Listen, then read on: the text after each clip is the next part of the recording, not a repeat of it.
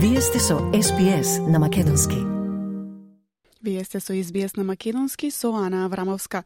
Оваа сабота ќе се одржи 15-тиот поред семинар во организација на Македонската православна младина во Викторија, на која посетителите ќе може да слушнат две предавања: Величествената убавина на Божјето создание и православната уметност. Предавањата ќе се одржат во црквата Свети Ѓорѓи и Пресвета Богородица во Епинг Викторија во 3:30 часот попладне, а во Македонскиот културен центар во дворот на црквата ќе биде поставена фотографска изложба дела на отецот Гаврил Галев со наслов Во мир и тишина, величествената и убавината на Божјото создание, фотографските записи на еден монах. Инспирацијата за семинарот потекнува од литературниот фонд на Фјордор Достоевски, поточно од тврдењето на принцот Лев Николаевич Мишкин, главниот лик на романот Идиот на писателот, кој што вели верувам дека светот ќе го спаси убавината. За утрешниот семинар во Епинг со СБС разговара игуменот отец Гаврил Галев. Како што знаете, Македонската прослав... организацијата Македонска прославна младина за Австралија веќе постои 17 години и има во своите активности има предвидено неколку настани годишно, а посебно главен настан е семинарот, кој што се, се случува секоја година. Освен заради пандемијата период, секој година се случуваше, ова сега 15 поред затоа и јубилеј на некој начин решивме да се зборува да биде носечка тема една убава мисла на рускиот познат писател Достоевски Убавината ќе го спаси светот.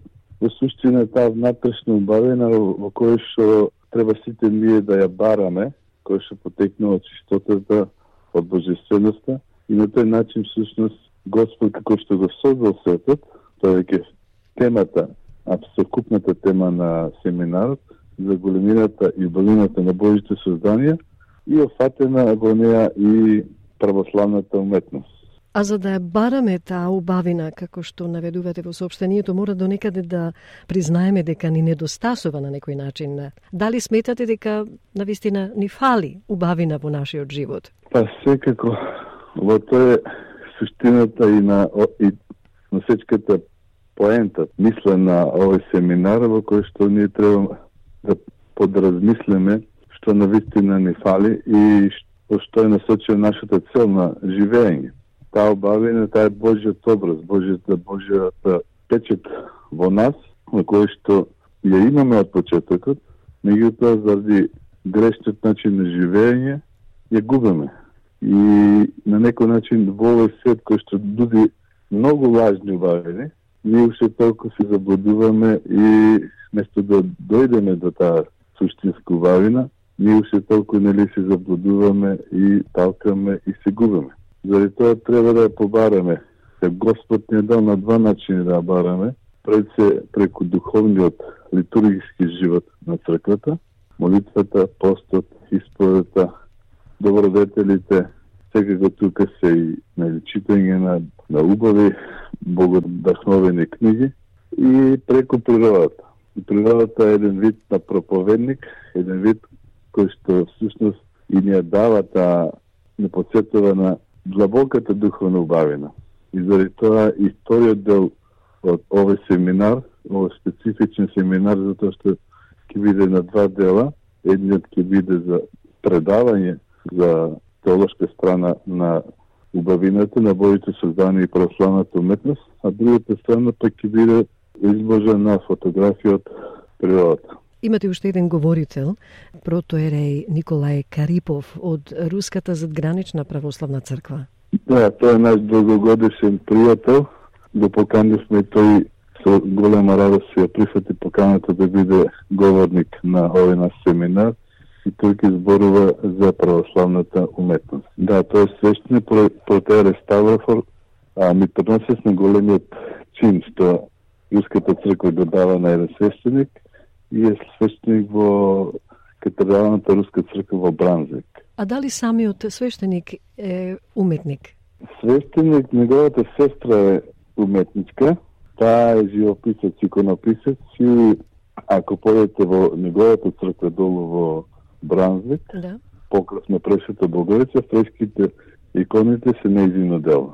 Отец Гаврил, ме подсетивте со, еве, со темат посветена на православната уметност, ме подсетивте на првиот свештеник во Македонската православна црква Свети Георги и Пресвета Богородица, кога нели беше во Фицрој, а првиот свештеник сушност од Македонија беше скулптор.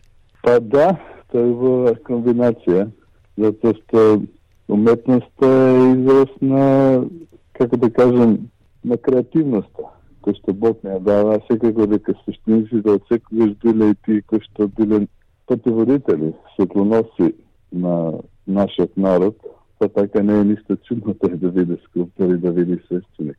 Јас лично не го познам човекот, меѓутоа тоа е баш убаво. Колку што се сеќавам презимето му беше Ангелевски или Ангеловски. Има и уште еден дел кој е посветен на уметноста, а тоа се фотографии кои се сликани од вас, отец Гаврил. Па да, на некој начин јас сум поврзан со уметноста. Во Македонија научив да цртам икони, меѓутоа овде тука ради премногу товарски недоволните услови за цртање на икона не може да се посветам на тоа дело и затоа на некој начин тој уметнички порив го, го сватив кон фотографијата и тогаш открив дека го имам и тој дар и поврзувајќи се со љубовта кон природата и со физичката активност и често патувам.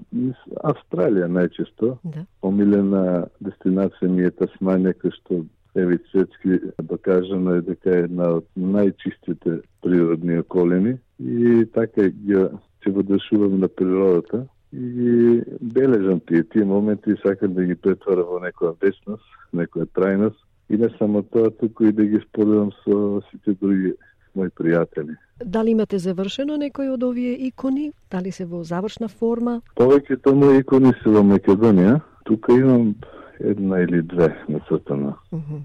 Ама сум благодарен на Бога што успеав пак една мала млада група да нацрта, да научам да цртат икони, така да го пренесев и овде во Австралија тоа предание на иконопис од македонски стил. Дали се одржуваат часови по православна уметност? Дали се одржуваат овде во Австралија? Во последно време не сум запознат да видим искрено, меѓутоа ние имавме едно такво предавање во манастирот во Донибрук. После се случат и настаните, кои што знаеме, ковид ситуацијата и така на некој начин ги прекинавме тие, како да кажам, настави за иконопис. Да. Тоа не значи дека не треба да се обнови, секако дека тоа е наша македонска традиција. Мислам, иконопис е општо православна, меѓутоа правецот во кој што ние го практикуваме македонски оригинален, сега го треба да се створат услови да си го продолжиме тука и да си го почитуваме.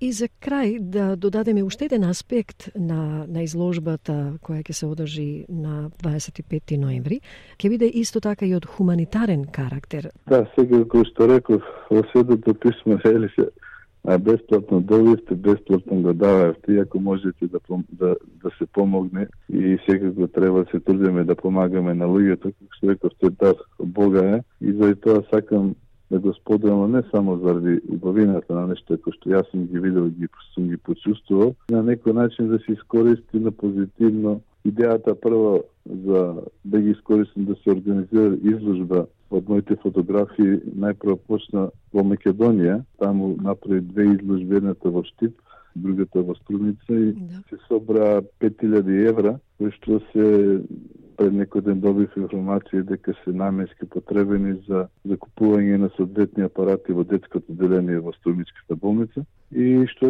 е една убава хуманитарна и племенита работа. Заради тоа и овде сакавме да повториме и акција.